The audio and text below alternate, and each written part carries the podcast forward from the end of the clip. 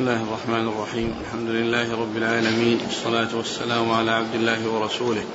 نبينا محمد وعلى آله وصحبه أجمعين. أما بعد فيقول أمير المؤمنين في الحديث أبو عبد الله محمد بن إسماعيل البخاري رحمه الله تعالى يقول في كتابه الجامع الصحيح بسم الله الرحمن الرحيم.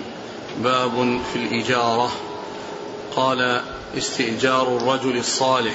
وقول الله تعالى إن خير من استأجرت القوي الأمين والخازن الأمين ومن لم يستعمل من أراده والخازن الأمين ومن لم يستعمل من أراده قال حدثنا محمد بن يوسف قال حدثنا سفيان عن أبي بردة قال أخبرني جدي أبو بردة عن أبيه أبي موسى الأشعري رضي الله عنه أنه قال قال النبي صلى الله عليه وآله وسلم الخازن الأمين الذي يؤدي ما أمر به طيبة نفسه أحد المتصدقين. بسم الله الرحمن الرحيم الحمد لله رب العالمين وصلى الله وسلم وبارك على عبده ورسوله نبينا محمد وعلى آله وأصحابه أجمعين. أما بعد فهذه الأحاديث التي ستأتي بعد هذا بعد هذا تتعلق بالإجارة. تتعلق بالإجارة. والإجارة هي تمليك منفعة الرقبة بعوض. يعني أن أنها تتعلق بالمنافع. كأن يستأجر عمارة لمدة سنة فإنه في مدة سنة يملك منفعتها. أما رقبتها وأصلها فهو للمالك. ففرق بين تمليك المنفعة وتمليك الرقبة. تمليك الرقبة هو يعني انتقال الرقبة التي هي الدار مثلا من ملك مالكها إلى ملك غيره. يعني إن كان بيعا فيعني فهو بيع وإن كان ملكها إياه على أنها هبة فهي هبة ولكنها خرجت من ملكه. وقد يكون الخروج من الملك يعني بالمقابل فيكون بيعا وقد يكون بالإحسان فيكون خروجها أو تملكه إياها بغير عوض. فإذا المنفعة تمليك نفعة منفعة الرقبة بعوض. يعني يعني منفعة الدار يؤجرها على إنسان فتخرج منفعتها من ملكه إلى ملك المستأجر ويكون ذلك بعوض لأن الإجارة فيها عوض. أما إذا كانت بهدي بهبة أو يعني عطية أو غير ذلك فإنها تمليك المنفعة يعني بدون عوض. والإجارة هي لا بد فيها من العوض. إذا كانت إجارة فلا بد فيها من العوض. تمليك منفعة رقبة بعوض. هذه هي الإجارة وهي جائزة بإجماع المسلمين والناس لا بد لهم منها. ولو كانت يعني غير جائزة لكان في ذلك المشقة العظيمة. يعني أن الإنسان الأشياء الكثيرة لا يستطيع الإنسان يقوم بها. ما يمكن الإنسان أن يكون نجار وحداد ويعني وغير ذلك من من من, من الأمور الأخرى التي يحتاج إليها الانسان يعني معنى ذلك أن الإنسان إما يصدق عليه إما يصدق عليه وإما يجلس بدون شيء. فجاءت الشريعة بجواز ومشروعية الإجارة حتى ينتفع الإنسان بعض الناس بعضهم بعض. من الناس من يجيد عملا وغيره لا يجيده فيستفيد ممن يجيده. فيستفيد ممن يجيده. ثم ذكر يعني بعد ذلك آه، آه، استئجار الرجل الصالح وأشار يعني بذلك إلى يعني ما جاء في قصة آه، والد الابنتين الذي الذي جاء فيه قال يا أبت استأجره إن خير من استأجرت القوي الأمين. إن خير من استأجرت القوي الأمين. وهاتان الصفتان التي هي القوة والأمانة هي التي يحصل بها الفائدة. لأن القوي يعني يقدر على القيام بالذي طلب منه أو ألزم به والأمين يكون عنده أمانة بحيث لا يحصل منه يعني خداع ويحصل منه غش أو ما إلى ذلك. فيعني إن خير ما استأجرت القوي الأمين يعني من جمع بين القوة والأمان لأن القوة فيها القدرة على الفعل والأمانة فيها المحافظة على الشيء وعدم يعني الإخلال فيه وعدم النقص منه. كما جاء في قصة آه، آه، في سورة النمل في العفريت الذي قال لسليمان يعني يعني عرش بلقيس أنا آتيك به قبل قبل أن تقوم من قبل أن تقوم مقامك وإني عليه لقوي أمين. يعني قوي يقدر على حمله لأن في قوة. وأمين يحافظ على محتوياته بحيث ما يضع منها شيء. فالقوة في يعني حمل الشيء والأمانة في المحافظة على محتويات العرش. يعني حتى يأتي كما هو دون أن يعني ينقص منه شيء أو يؤخذ منه شيء وإنما يأتي كهيئته إن خير من استأجرت القوي الأمين. ف فذكر يعني هذا في إشارة إلى هذه القصة وما جاء فيها من أن إحدى الأمتين قالت يا أبت استأجره إن خير من استأجرت القوي الأمين. أعد المتن. استئجار الرجل الصالح وقول الله تعالى إن خير من استأجرت القوي الأمين والخازن الأمين. يعني نعم المقصود المقصود أن أن أن قصة يعني هذا الرجل فيها أن ابنته قالت إن خير من استأجرت القوي الأمين.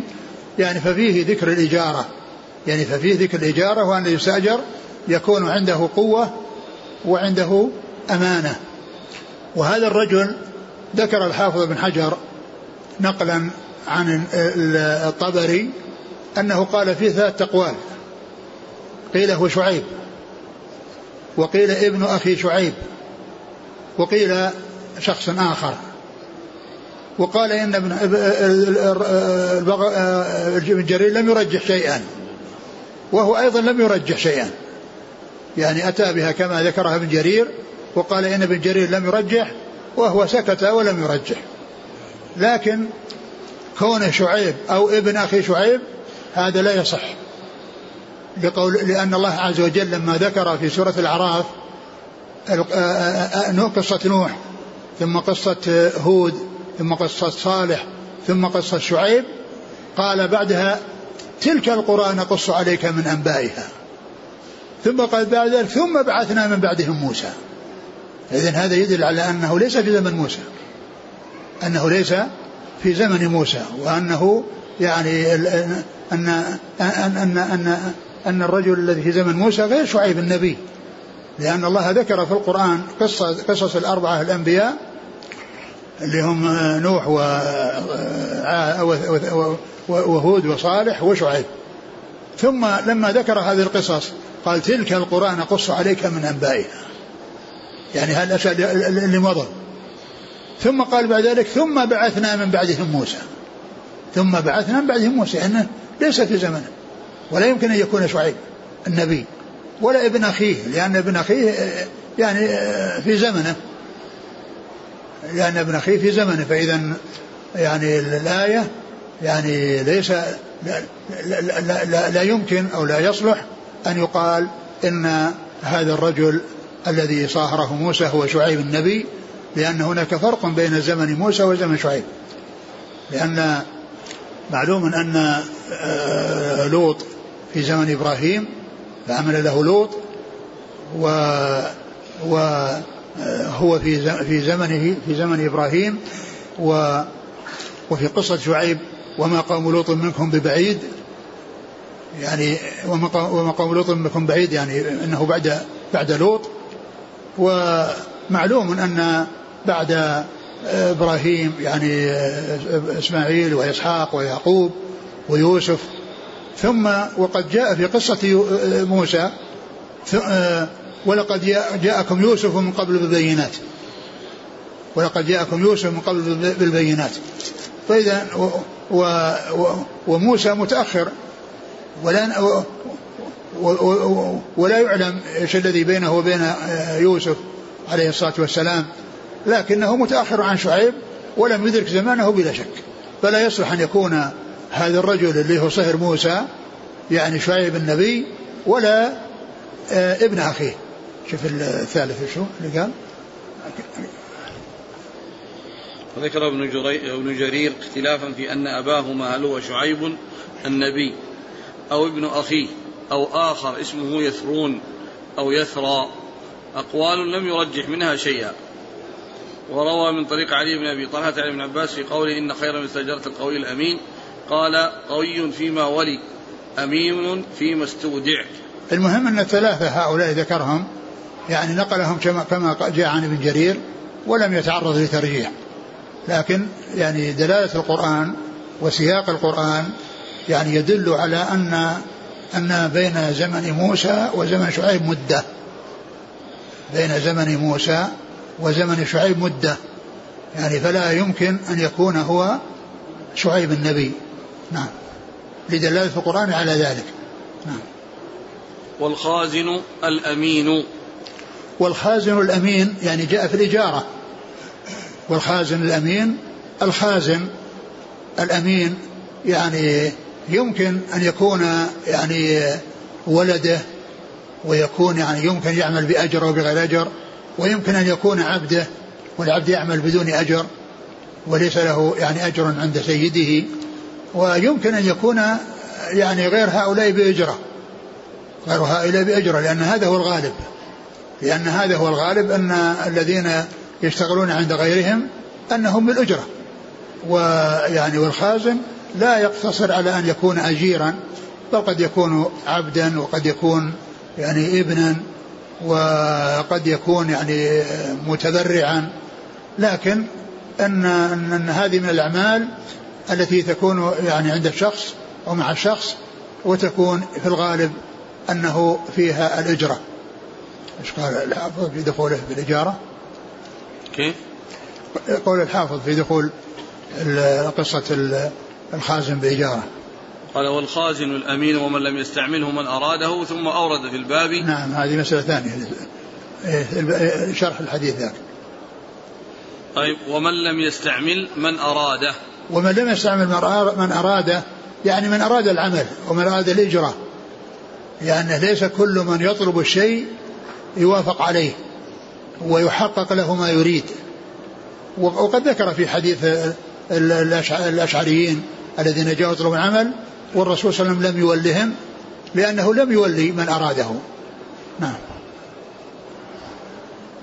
الحديث؟ أبي موسى الخازن الأمين الذي يؤدي ما أمر به طيبة نفسه أحد المتصدقين. نعم. إيش قال في شرحه في وجه دخوله في الإجارة؟ خازن. لأنه قد يكون أجير وقد يكون غير أجير. قال إسماعيل ليس في الحديثين جميعا معنى الإجارة. وقال الداودي ليس حديث الخازن الأمين من هذا الباب لأنه لا ذكر الإجارة فيه. وقال ابن التين إنما أراد البخاري أن الخازن لا شيء له في المال. وإنما هو أجير.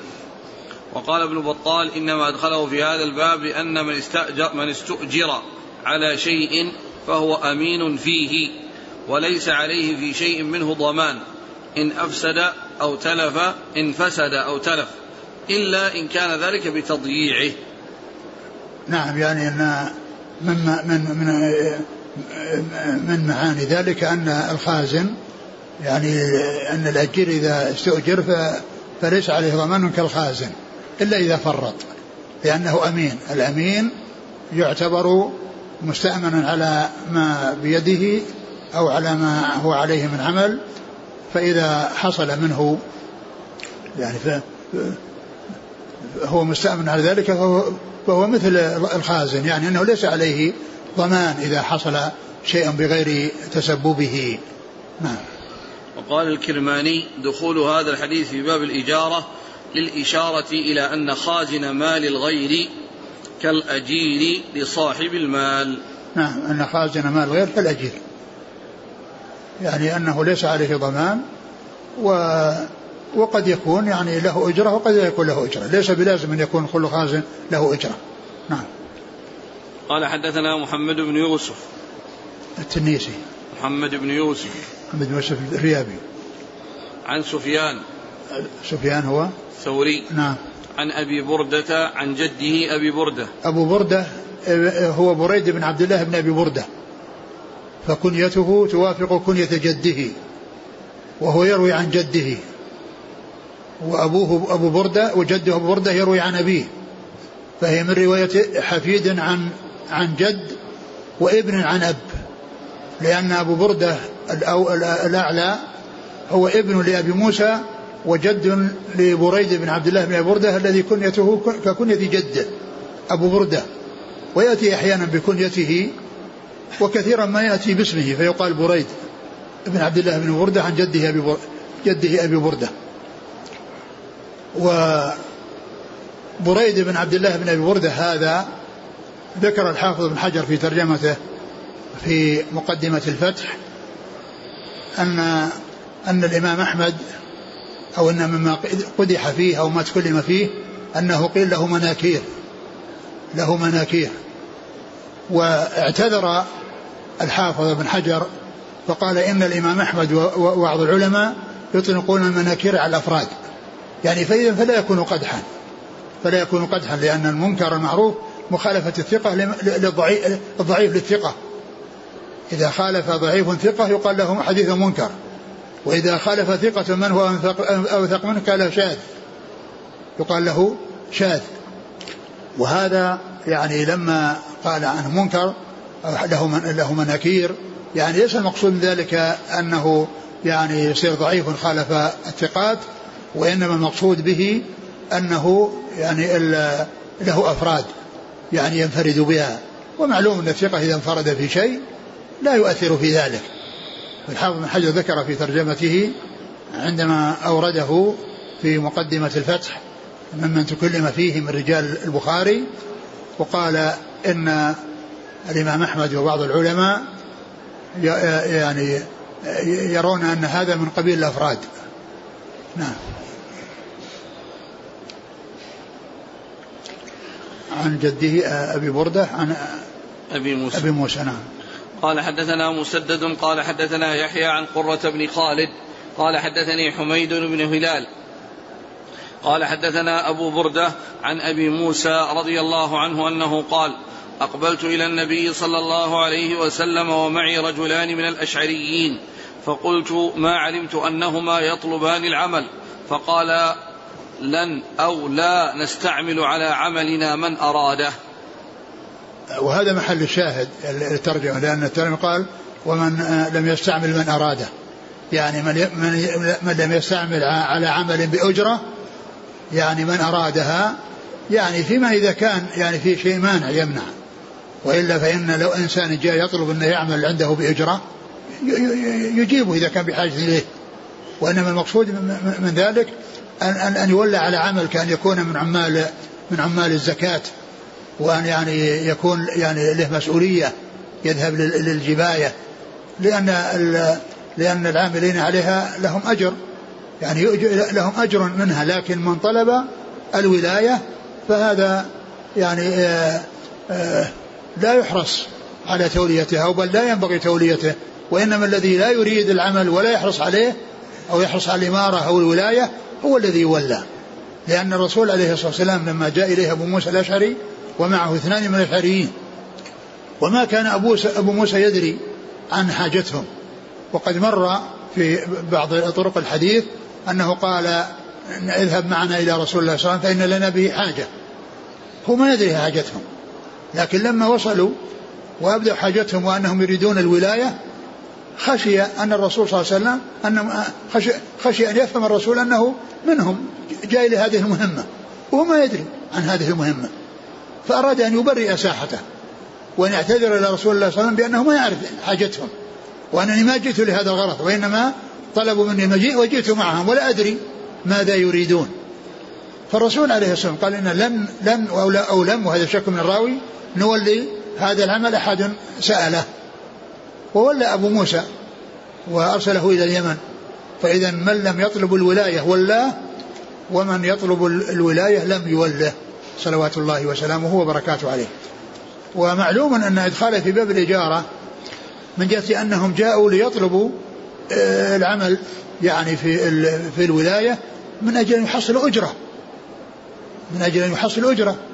مثل ما جاء في عن ابن عباس آه، يعني في الصحيح أنه هو وعبد المطلب ابن ابن ربيعة بن الحارث جاءوا إلى النبي صلى الله عليه وسلم وقالوا يعني ولنا يعني على يعني آه، شيء من من الأعمال التي يولي عليها كالزكاة. قال لنصيب شيئا نتزوج به. لنصيب شيئا يعني يحصل شيئا من الأجرة في هذا العمل يتزوجوا يريدون أن يتزوجوا. فالرسول صلى الله عليه وسلم قال إن إن يعني أنه ليس أهل البيت يولون في, في, في, في مثل هذا يعني على الصدقات وكفايتها وأمر آه، صاحب الخمس أو المسؤول عن الخمس أن أن آه، يدفع المهر لكل منهما وخطب لهما الرسول صلى الله عليه وسلم وتزوجا. ودفع صاحب الخمس أو المسؤول عن الخمس المهر لهما. فإذا هم جاءوا يطلبون العمل جاءوا يطلبون العمل واعتذر بكونهم من أهل البيت. وأما في حديث موسى فاعتذر يعني عن توليتهم لأنهم طلبوه. والذي يطلب الشيء لا يحرص عليه. نعم. قال حدثنا مسدد نعم. عن يحيى بن سعيد القطان. عن قرة بن خالد نعم. عن حميد بن هلال نعم. عن أبي بردة عن أبي موسى. نعم.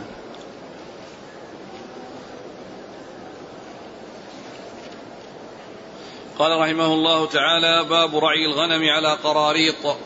قال حدثنا أحمد بن محمد المكي.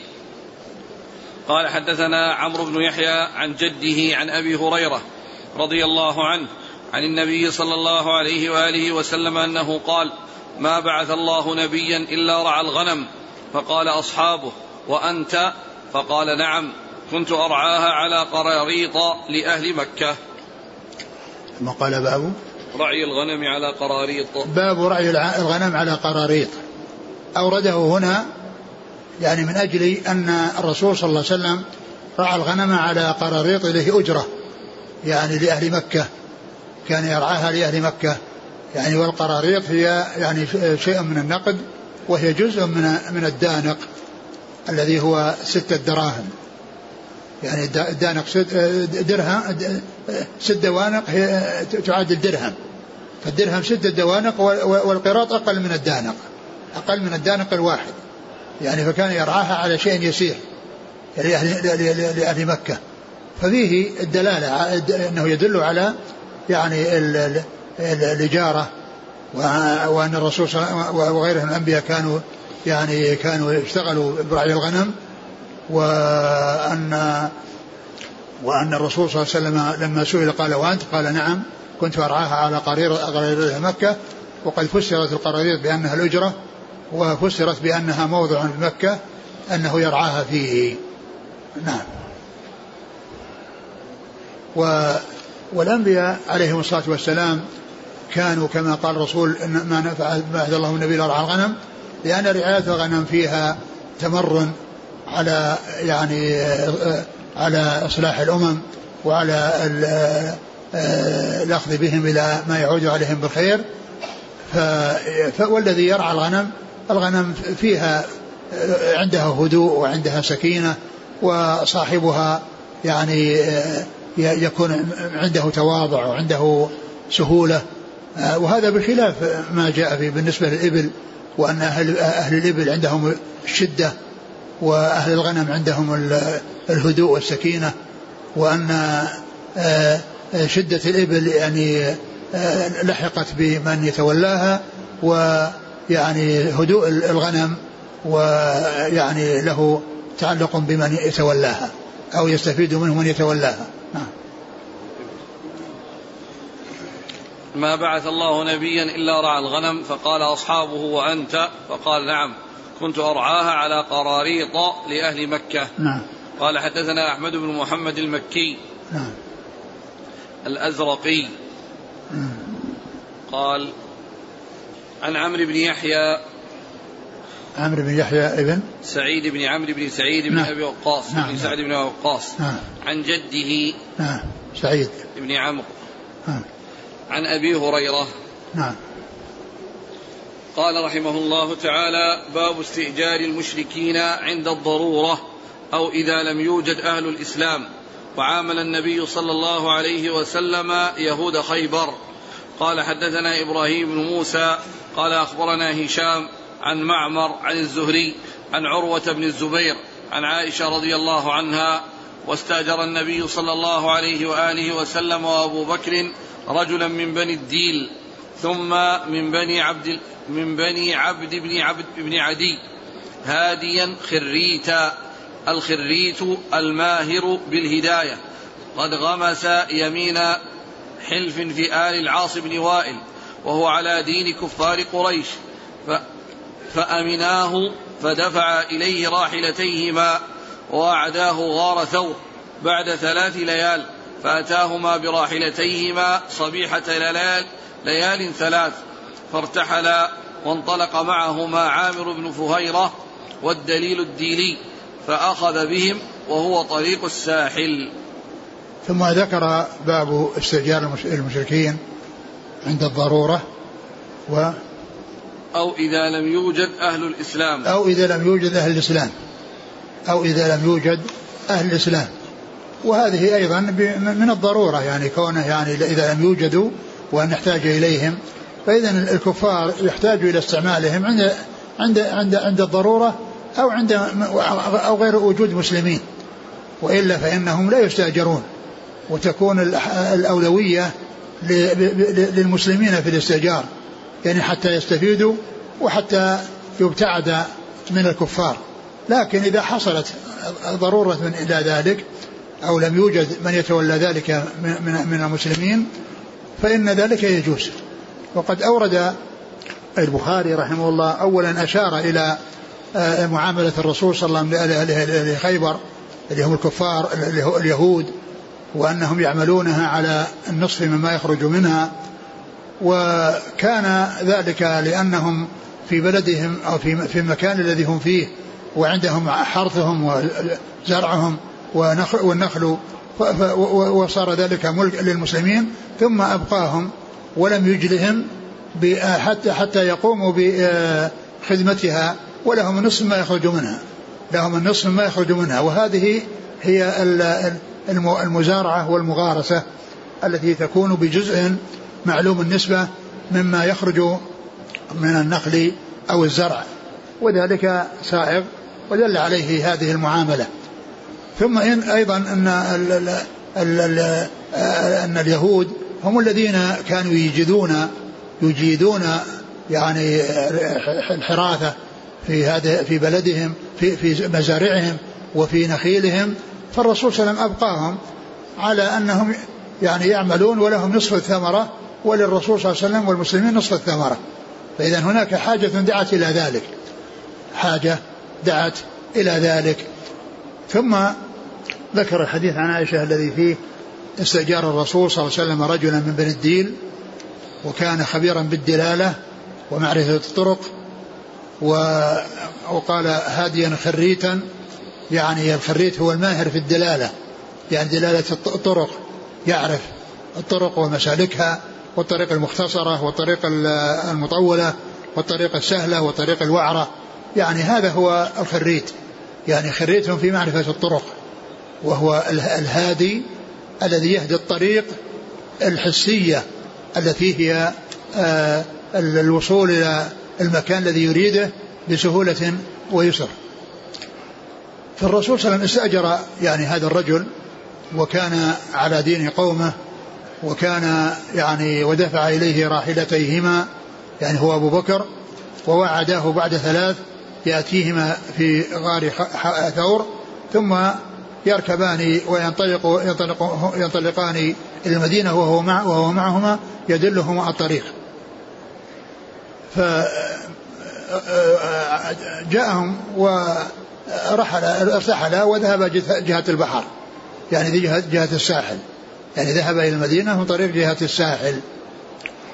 ف يعني هذا الرجل استاجره الرسول صلى الله عليه وسلم وهو كافر. وأمناه على يعني الدلالة. و آه، وكان ذلك للحاجة الداعية إلى ذلك آه، لمعرفة الطريق. واستأجر واستأجر. استأجر النبي صلى الله عليه وسلم أبو بكر رجلا من بني الديل. يعني هذا جزء من حديث جزء من حديث مشتمل على عدة مسائل ولكن منه هذه القطعة التي ذكرها البخاري هنا. قال واستأجر. يعني فيه شيء قبل هذا من جملة الأحاديث لكنها أتت بالقطعة أو البخاري أتى بالقطعة من حديث عائشة التي فيها محل الشاهد وهو استئجار الكافر للحاجة التي دعت إلى ذلك. واستأجر الرسول. وأبو بكر رجلا من بني الديل ثم من بني عبد بن عدي هاديا خريتا الخريت الماهر بالهداية. آه. قد غمس يمين حلف في آل العاص بن وائل. يعني آه ذكر نسبه وذكر أيضا حلفه وأنه قد حالف يعني هؤلاء القوم. نعم. وهو على دين كفار قريش. نعم. فأمناه فدفع إليه راحلتيهما ووعداه غار ثور بعد ثلاث ليال. نعم. فأتاهما براحلتيهما صبيحة ليال ثلاث. فارتحلا وانطلق معهما عامر بن فهيرة والدليل الديلي. فأخذ بهم وهو طريق الساحل. فأخذ بهم يعني طريق مكة أو كذا. مكة شوف في بعض أسفل مكة. أسفل مكة. نعم. فأخذ بهم أسفل مكة. وهو طريق الساحل يعني الطريق الذي يذهب من مكة في اتجاه الساحل اتجاه البحر هو هذا الأسفل أسفل مكة. نعم. قال حدثنا إبراهيم بن موسى نعم. الفراء الرازي نعم. عن هشام هشام. بن يوسف الصنعاني نعم. عن معمر بن راشد. عن الزهري نعم. عن عروة بن الزبير عن عائشة رضي الله عنها. نعم نعم. قال رحمه الله تعالى باب إذا استأجر أجيرا إذا استأجر أجيرا ليعمل له بعد ثلاثة أيام أو بعد شهر أو بعد سنة جاز وهما على شرطهما الذي اشترطاه إذا جاء الأجل. قال حدثنا يحيى بن بكير قال حدثنا الليث عن عقيل قال قال ابن شهاب قال فأخبرني عروة بن الزبير أن عائشة رضي الله عنها زوج النبي صلى الله عليه وسلم قالت واستأجر رسول الله صلى الله عليه وسلم وأبو بكر رضي الله عنه رجلا من بني الديل هاديا خريتا وهو على دين كفار قريش فدفع إليه راحلتيهما وأعداه غار ثور بعد ثلاث ليال براحلتيهما صبح ثلاث. ثم ذكر يعني هذا الحديث الذي حديث عائشة مستدل به على مسألة أخرى وهي أن بداية العقد لا تشترط بداية المدة مدة الاستئجار لا يشترط أن تكون تالية للعقد كعقد يعمل مباشرة بل يجوز أن يبرم عقد ويكون ابتداؤه بعد مدة بأن يعقد عقد من الآن يعني مع إنسان على أن يعمل له كذا وكذا وأن يبدأ بالعمل معه ابتداء من شهر محرم أو ابتداء من من شهر رجب أو من شهر رمضان. يعني أن أن المدة لا يشترط مدة الأجرة أو العمل لا تشترط أن تكون تالية لإبرام العقد. بل يجوز أن يكون بين إبرام العقد وبين بدء العمل مسافة. وهذا قد تدعو الحاجة إليه بأن يكون ناس يعني ناس معروفين في في قوة جودة المهنة وأن الناس يتنافسون عليهم وأنهم يعقدون معهم في أوقات مبكرة حتى يعني يضمنوا أنهم آه، تعاملوا مع أناس يجيدون العمل. لا بأس بذلك. والأصل هو الجواز حتى يأتي ما يمنع ذلك. حتى يأتي ما يمنع ذلك. وقد جاء ما يدل على ذلك. يعني قد جاء ما يدل على تأييد الأصل. وأن الأصل أن ذلك من الجائز حتى يأتي شيء يمنع. وقد جاء شيء من في السنة يدل على صحة هذا الأصل الذي هو جواز ذلك. فإن الرسول صلى الله عليه وسلم وأبو بكر اتفق معه على الدلالة إلى المدينة ووعده بعد ثلاث. يعني هذه الثلاث هذه ليس فيها اشتغال الذي اتفق عليه. لأن العمل سيبدأ بعد ثلاث بعد ثلاث. إذا يعني لا يلزم أن تكون بداية العمل المستأجر عليه تالية لوقت الاتفاق بل يجوز أن يوجد الاتفاق وأن يبدأ العمل بعد مدة على حسب الاتفاق لأنهم اتفقوا على أنهم يعملون بعد ثلاث. يعني ما هم الآن يمشون إلى المدينة هم اتفقوا معه على الدلالة. اتفقوا معه على الدلالة والدلالة ما تبدأ من وقت العقد تبدأ بعد بعد الأيام التي ذكروها فجاءهم بعد ثلاث وذهب. فإذا هذا هذا يدل على صحة هذه الترجمة وهي يعني التي ترجمها البخاري وهي باب باب باب إذا استأجر أجيرا ليعمل له بعد ثلاثة أيام أو بعد شهر أو بعد سنة جاز وهما على ما شرطا وهو وهما على شرطهما الذي اشترطاه إذا جاء الأجل. يعني أنه يبدأ العمل إذا جاء الأجل. يبدأ العمل إذا جاء الأجل. وذكر في الترجمة الثلاث والشهر والسنة. لأن الثلاث جاءت في النص في الحديث. وأما الشهر والسنة جاءت بالإلحاق وأن ذلك سائغ ولا ولا بأس به. نعم. قال حدثنا يحيى بن بكير نعم. عن الليث بن سعد. عن عقيل بن خالد بن عقيل. عن ابن شهاب عن عروة بن الزبير عن عائشة. نعم. قال رحمه الله تعالى باب الأجير في الغزو. قال حدثنا يعقوب بن إبراهيم. قال حدثنا إسماعيل بن علية. قال أخبرنا ابن جريج. قال أخبرني عطاء عن صفوان بن يعلى عن يعلى بن أمية رضي الله عنه أنه قال غزوت مع النبي صلى الله عليه وآله وسلم جيش العسرة فكان من أوثق أعمالي في نفسي فكان لي أجير فقاتل إنسانا فعض أحدهما إصبع صاحبه فانتزع إصبعه فأندر ثنيته فسقطت فانطلق إلى النبي صلى الله عليه وآله وسلم فأهدر ثنيته وقال أفيدع إصبعه في فيك تقضمها؟ قال أحسبه قال كما يقضم الفحل. قال ابن جريج وحدثني عبد الله بن أبي مليكة عن جده بمثل هذه الصفة أن رجلا عض يد رجل فأندر ثنيته فأهدرها أبو بكر رضي الله عنه. ثم ذكر باب الأجير في الغزو. الأجير يسوق في كل وقت في الغزو وغيره لكنه نص على الغزو. لعل وجه ذلك كما قال الشارح أن أنه لما كان لما كان الغزو فيه طلب الثواب ويعني تحصيل الأجر من الله عز وجل قد يعني يتوهم أنه لا يعني يستعمل فيه الأجير فجاءت السنة ببيان جواز ذلك وأنه قد يحتاج إلى من يعني يهيئ له شيء ويحضر له أشياء و فلا, فلا منع لا مانع من ذلك. يعني في الغزو كما أن الأصل هو جوازه مطلقا. جوازه مطلقا. وقد أورده من أجل أن الغزو يعني فيه يعني آه، تحصيل الأجر وأنه في سبيل الله والإنسان يريد من أجل الأجر والثواب.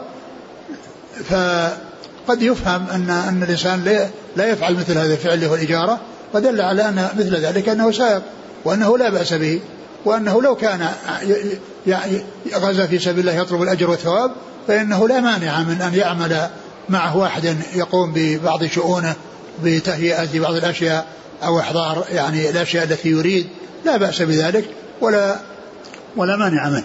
ثم ذكر حديث على ابن أمية رضي الله عنه أنه قال غزوت مع النبي صلى الله عليه وسلم وكان لي وكان لي أجير يعني فتنازع مع شخص آخر فعض أحدهما يد الآخر. فلما عض أحدهما الآخر وأحس بالألم سحب يده وأصبعه فانقلعت يعني سن العاض. فذهب العاض إلى الرسول صلى الله عليه وسلم يريد أن يعني يقتاد منه أو أن يدفع له شيئا مقابل ذلك فأنكر عليه الرسول صلى الله عليه وسلم وقال لا أجر لا, لا دية لك أو لا شيء لك لا تستحق على ذلك لأنك أنت الذي تسببت في هذا. أفتريد منه أن يترك يدك تقضمها كما يقضم الفحل؟ أي البعير؟ يعني هل تنتظر هذا منه؟ يعني يعني يأكل يده ويقطعها بأسنانه يعني يتركه؟ لا لا لا. هو, هو, هو الذي تسبب هو الذي أخطأ. فإذا لا, دي لا, لا دية أو لا حق له في انتزاع في, في, في, في, سقوط سنه بسبب كونه عض غيره. نعم الحديث. قال غزوت مع النبي صلى الله عليه وسلم جيش العسرة. كيف العسرة هو غزوة, غزوة تبوك. أقول جيش العسرة هو هو الجيش الذي غزا فيه الرسول صلى الله عليه وسلم تبوكا. نعم. فكان من أوثق أعمالي في نفسي. يعني هذا العمل يعتبره يعني عملا قربة يتقرب إلى الله عز وجل وهي من أهمها وأحبها إلى نفسه لأنه جاهد مع الرسول صلى الله عليه وسلم في هذا الجيش أو في هذه الغزوة التي فيها العسرة وفيها الشدة وفيها المشقة فيعتبر هذا من من أهم أعماله الصالحة. لأن قول هذا من أوثق أعمالي في نفسي أنني غزوت هذه الغزوة مع رسول الله. لأن الإنسان يكون له أعمال متعددة لكن بعضها يعني تكون يعني أهم عنده من غيرها من الأعمال الأخرى. فهو يبين يعني فرحه وسروره ويعني بكونه غزا هذه الغزوة مع رسول الله صلى الله عليه وسلم فإنها من أحب أعماله إليه ومن أوثق أعماله عنده. فكان لي أجير فقاتل إنسانا فعض أحدهما قاتل إنسان يعني يعني تخاصم معه. والمقاتلة كما هو معلوم ليس المقصود أنه يعني أنها بالسيف. فإن المقاتلة تكون يعني ب ب ب ب ب بالمخاصمة والمنال ولهذا جاء في الحديث أن الإنسان إذا أراد يمر وإذا نبى فليقاتله. يعني معناه يدفع بشدة. مو معناه أن ذلك أنه, أنه في مقاتلة. يعني فقاتله يعني حصل بينه وبين خصام وغضب فعض أحد أحد الشخصين الثاني فالذي عضت يده نزعها بقوة فخرجت السن بسبب هذا النزع. نعم. ومحل الشاهد من هذا كان قوله كان لي أجير. هذا محل شاهد الترجمة. نعم. قال حدثنا يعقوب بن إبراهيم. وأيضا الحديث فيه أيضا طريقة أخرى أن هذه القصة حصلت لأبي بكر رضي الله عنه وأنه أفتى بها أو حكم بها بما حكم به رسول الله صلى الله عليه وسلم وهي إهدار آه، الأسنان التي سقطت من العاض نعم. قال حدثنا يعقوب بن إبراهيم. حدثنا يعقوب الدورقي نعم. عن إسماعيل بن علية نعم. عن ابن جريج. نعم. عن عطاء. بن جريج عبد الملك بن عبد العزيز بن جريج. عن عطاء بن أبي رباح. عن صفوان بن يعلى. نعم. عن يعلى بن أمية. نعم. قال قال ابن جريج وحدثني عبد الله بن أبي مليكة. نعم. هو هو عبد الله بن عبيد, الله. عبيد الله نعم. عن جده. جده؟ على اختلاف. نعم. الظاهر أنه زهير بن عبد الله بن جدعان. نعم. بمثل هذه الصفة أن رجلا عض يد رجل فأندر ثنيته فأهدرها أبو بكر رضي الله عنه. نعم. قال رحمه الله تعالى باب من استاجر أجيرا فبين له الأجل ولم يبين العمل. لقوله إني أريد أن, أن أنكحك إحدى ابنتي هاتين. إلى قوله على ما نقول وكيل. يأجر فلانا يعطيه أجرا ومنه في التعزية. آجرك الله.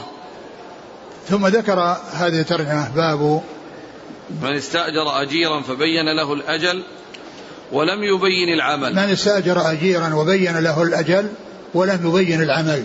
يعني أن ذلك سائغ لأنه جاء في قصة يعني موسى عليه الصلاة والسلام مع مع زوج مع أبي زوجته أو مع صهره. الذي صاهره في مدين ف فقال يعني ففيها أنه قد تأجرني ثمانية حجج يعني أنه يكون أجيرا عنده لمدة ثمان حجج أو عشر حجج يعني عشر سنوات أو ثمان سنوات. ويكون ذلك يعني مهر آه، زوجته يعني معناه أنه يتزوج بهذا العمل الذي عمله له بهذا العمل الذي عمل له الذي عمله له ولكن لم يذكر العمل يعني تحديده. وهذا يدل على أن أن الأمر في ذلك واسع يعني بحيث لا يلحق يعني يلحق العامل مضرة ولكنه لا يلزم أن يقول أنه يعني يفعل هذا الفعل بالضبط. وإن كان الذي آه، هو قريب أنه يعمله وهو الذي يتفق مع ما جاء ما قال الرسول ما من نبي إلا رعى الغنم وأن موسى أنه رعى الغنم لأنهن يعني آه، آه، كان والدهن لا يستطيع العمل. يعني ف سقى لهن موسى عليه الصلاة والسلام والأقرب أن عمله إنما هو في رعاية الغنم.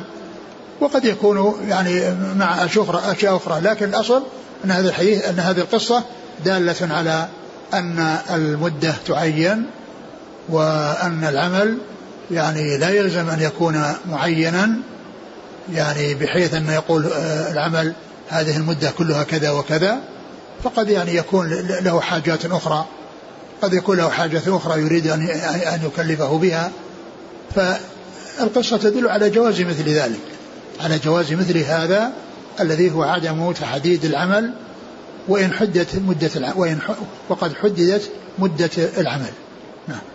ثم قال إيش؟ أجرك الله. إيش قبلها؟ يأجر فلانا يعطيه أجرا. يأجر فلانا يعطيه أجرا. أو يعمل له بالأجر. يعني يأجر فلانا يعني يعطيه أجرا.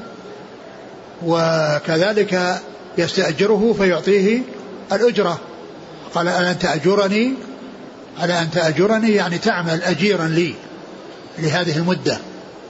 وآجرك وقول في التعزية آجرك الله يعني أثابك الله وأعطاك الله الأجر على مصيبتك وعلى صبرك واحتسابك. نعم. قال رحمه الله تعالى باب إذا استاجر أجيرا على أن يقيم حائطا يريد أن ينقض جاز. قال حدثنا إبراهيم بن موسى قال أخبرنا هشام بن يوسف أن ابن جريج أخبرهم قال أخبرني يعلى بن مسلم وعمرو بن دينار عن سعيد بن جبير يزيد أحدهما على صاحبه وغيرهما قال قد سمعته يحدثه عن سعيد. قال قال لي ابن عباس رضي الله عنهما حدثني أبي بن كعب رضي الله عنه أنه قال قال رسول الله صلى الله عليه وآله وسلم فانطلقا فوجدا جدارا يريد أن ينقض. قال سعيد بيده هكذا ورفع يديه فاستقام. قال يعلى حسبت أن سعيدا قال فمسحه بيده فاستقام. لو شئت لاتخذت عليه أجرا. قال سعيد أجرا نأكله. ذكر هذه الترجمة باب إذا استأجر آه، أجيرا أن يقيم حائطا يريد أن إذا ينقض. استأجر أجيرا ليقيم حائطا يريد أن ينقض. جاز. جاز. يعني المقصود من هذا يعني ذكر يعني الشيء الذي عمل وطلب موسى من الخضر أن آه، يطلب منهم آه، شيئا مقابل ذلك ليأكلوه. لأنهم استضافوهم فلم يضيفوهم. استضافوهم فلم يضيفوهم فأقام لهم هذا الجدار. فقال لو أنك طلبت منهم يعطونا شيء مقابل آه، هذه المنفعة التي حصلت منك أجرا نأكله. يعني أجرا في مقابل هذا هذه الإقامة. فترجم أتى بترجمة مطابقة للقصة. يعني يريد أن ينقض وأن هذا يعني آه، آه، طلب من الخضر أن يطلب منهم مقابل هذا العمل أجرة على ذلك. ويعني كل عمل مباح ويحتاج إليه فإنه يجوز الإجارة عليه. لأن كل عمل مباح وكل شيء مباح يعني آآ آه، آآ يجوز يجوز الاستئجار عليه. وإقامة الجدار أو بنيان الجدار أو بنيان البيت أو أي شيء كل ذلك من الأشياء التي يعني آه، آه، هي أعمال وتؤخذ عليها الإجرة إذا حصل الاتفاق على الإجارة بين بين الطرفين. وقد يعمل الإنسان بالمجان وقد يعمل الإنسان بالمجان مثل ما حصل من من من, من الخضر فإنه ما أخذ في مقابل ده فأعطاهم إياه فعله لهم بالمجان. ولكن التنصيص على الإجرة وأن لو أخذت عليه أجرا يعني هذا هو محل إيراد الحديث في الإجارة من أجله. وقد سبق أن في أول درس أن الإجارة مجمع عليها بين المسلمين وأنه لم يخالف فيها أحد وإنما خالف فيها اثنان من المبتدعة أحدهما محمد بن إسماعيل بن علية ويأتي في كتب الفقه بن علية وليس المراد به الثقة أبوه إسماعيل إسماعيل بن إبراهيم الذي خرج له أصحاب الكتب الستة وهو من الثقات. وإنما إذا جاء في كتب الفقه وابن علية المراد به ابنه يأتي في المسائل الشاذة. ولهذا هو هو الأصم وهو ابن كيسان الأصم هم الذين خالفوا في جواز الإجارة. ويعني وأن الإجارة جائزة أنها أن خالفوا بأنها جائزة وأنها لا تجوز. قالوا لأن الشيء الذي يتفق عليه عند العقد ليس موجود. وإنما هي منفعة توجد شيئا فشيئا. وهذا خلاف ما أجمع عليه العلماء. والضرورة داعية إليه كما ذكرت. يعني لا ليس بإمكان كل واحد أن يكون نجار وحداد وخياط وسباك. فإن الناس بعضهم يحتاج إلى بعض. المهنة التي عند هذا يستأجر هذا حتى يحصلها. باب باب إذا استأجر أجيرا على أن يقيم حائطا يريد أن ينقض جاز. نعم يعني هذا يعني أورده من أجل ما جاء فيه من ذكر الأجر. ومعلوم أن الإجارة ثابتة من بهذه السنة بالإجماع وقد جاء نصوص كثيرة تدل تدل عليها. نعم. ورد حديث سعيد عن والحديث, والحديث طويل أورده في كتاب التفسير ولكنه هنا أورد هذه القطعة منه التي تتعلق بالقصة الثالثة وهي مرور الخضر ومعه موسى عليهم الصلاة والسلام بهؤلاء القوم وطلبوا منهم الضيافة فلم يضيفوهم فوجد جدارا يريد أن ينقض فأقامه. وجاء في أنه أقامه يعني دفعه بيده أو أنه مسحه بيده وأنه اعتدل يعني يعني عنده قوة وعنده قدرة. يعني بحيث يعني دفعه بيده فاعتدل أو مسحه بيده فاعتدل كما جاء في الروايتين يعني في الحديث. نعم. قال لو شئت لاتخذنا لاتخذت عليه أجرا أجرا. يعني نأكله لأنهم ما, ما يعني طلبوا الضيافة وما حصلت لهم. ويعني فقال لو أخذت عليه أجرا نأكله يعني لأنهم ما أضاف ما ضيفونا وهذا العمل الذي عملناه يعني نأخذ مقابل شيء نأكله لأنهم ما ما ما أعطونا ضيافة. نعم. قال حدثنا إبراهيم بن موسى عن هشام بن يوسف عن والخضر والخضر يعني في يعني في في في, في خلاف أهل العلم هل هو نبي أو غير نبي. والصحيح بأنه نبي لأن القصة اللي جاءت في القرآن فيها ما يدل على أنه نبي وما فعلته عن أمري. وما فعلته عن أمري يعني أنه بأمر الله عز وجل. نعم. قال حدثنا إبراهيم بن موسى عن هشام بن يوسف عن ابن جريج عن يعلى بن مسلم وعمرو بن دينار. نعم. عن سعيد بن جبير يزيد أحدهما على صاحبه وغيرهما قال قد سمعته يحدثه عن سعيد عن ابن عباس عن أبي بن كعب. نعم. قال رحمه الله تعالى باب الإجارة إلى نصف النهار. والله تعالى أعلم وصلى الله وسلم وبارك على عبده ورسوله نبينا محمد وعلى آله وأصحابه أجمعين. جزاكم الله خيرا وبارك الله فيكم. ألهمكم الله الصواب ووفقكم للحق. شفاكم الله وعافاكم. ونفعنا الله بما سمعنا. غفر الله لنا ولكم وللمسلمين أجمعين. آمين. سائل أمس الذي سأل عن العطور لا زال. يقول سألتكم أحسن الله إليكم أمس عن قضية العطور. أنا لا أريد حكمها. إنما أريد ماذا أفعل؟ أرشدني. هل أتلفها أو أستعملها؟ ولا أعود لشرائها مرة أخرى. أو ما العمل؟ دلوني. ابعث بسؤالك هذا إلى رئاسة الإفتاء الرياض ويأتيك الجواب إن شاء الله. يقول ما حكم الإجارة المنتهية بالتمليك؟ بعض العلماء أجازها و والأحوط هو السلامة منها. لما فيها من من من من, من الغرر ولما فيها من يعني آه، من المحاذير التي آه، تؤدي إلى الخصام والاختلاف. فالسلامة منها أسلم. يدخل الإنسان على بينة إما إجارة وإما تمليك. ما توجيهكم لطلب يوسف عليه الصلاة والسلام اجعلني على خزائن الأرض هذا يعني من أجل أن أنه يريد أن يفيد الناس يعني بهذا والإنسان إذا كان تعين عليه أو وجد أن غيره يعني لا يقوم مقامه وطلب ذلك فإن ذلك سائر لقصة يوسف نعم. إذا تعين على الإنسان أو رأى أنه لا, لا يقوم أحد مقامه فقصة يوسف تدل على هذا. يقول أحسن إليكم هل تدخل الانتخابات الآن في مسألة الحرص على الولاية؟ ولا شك أنها داخل. أقول داخلة لأن كل هؤلاء الذين يتنافسون يتسابقون على الانتخابات يعني يريدون الولاية. رجل يستأجر بستان برتقال بمبلغ ثابت لعدة سنوات.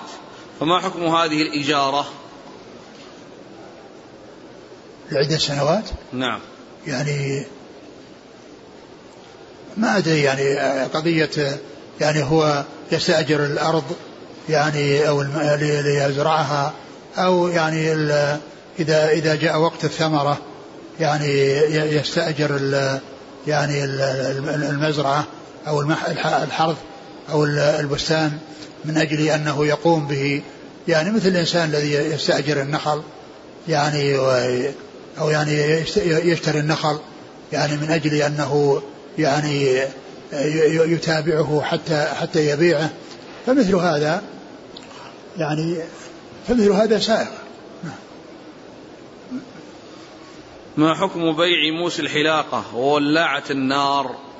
مع العلم بأن الكثير منهم من الناس من يستعمل الموس لحلاقة اللحية ويستخدم ولاعة النار لشرب الدخان. الأصل الأصل يعني أن بيع هذه الأشياء سائغ لكن إذا كان عرف أن إنسانا يعني يستعمل هذا وأنه يعني فلا يبيعه أو يعني جاء يشتري كمية وهو يعني يعرف أنه يستعملها في الأمور المحرمة فإنه لا يبيعه وإلا فإن الأصل أن الإنسان يشتريه يبيع يبيع هذه الأشياء. لكن إذا غلب على ظنه تستعمل في محرم لا يفعل ذلك لأن هذا من التعاون على الإثم والعدوان يقول هذا السائل قام ما يقارب من خمسين إماما بفرنسا بزيارة مقابر لليهود الذين أعدمهم هتلر للتعبير عن سماحة الإسلام.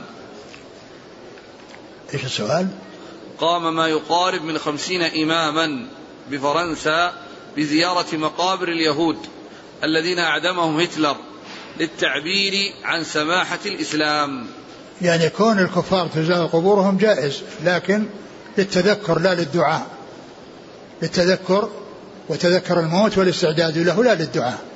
لكن يعني كون فيه يعني كون يعني أناس يعني قد يكون يعني هؤلاء عندهم أمور يعني لا تتفق مع الإسلام وهذا منها فما يكون ذهابهم من أجل آه، آه، آه، الذي جاءت الشريعة به وهو الاعتبار والاتعاظ. يعني جاءوا يعني يمكن أن يهونوا يعني الأمر وأن أن الديانات أنها كلها يعني يمكن أن يحترم بعضها بعضا ويوقر بعضها بعضا. ومعلوم أن الديانات الكافرة لا يجوز احترامها ولا يجوز توقيرها ولا يعني وهؤلاء يعني إن كان ذهابهم للاعتبار والاتعاظ فقد جاء في السنة وإن كان جاء يعني لشيء يعني فيه تنازل المسلمين عن شيء من دينهم وتهاونهم في أمر دينهم فهذا لا, لا يجوز. جزاكم الله خيرا سبحانك اللهم وبحمدك نشهد أن لا إله إلا أنت نستغفرك ونتوب إليك.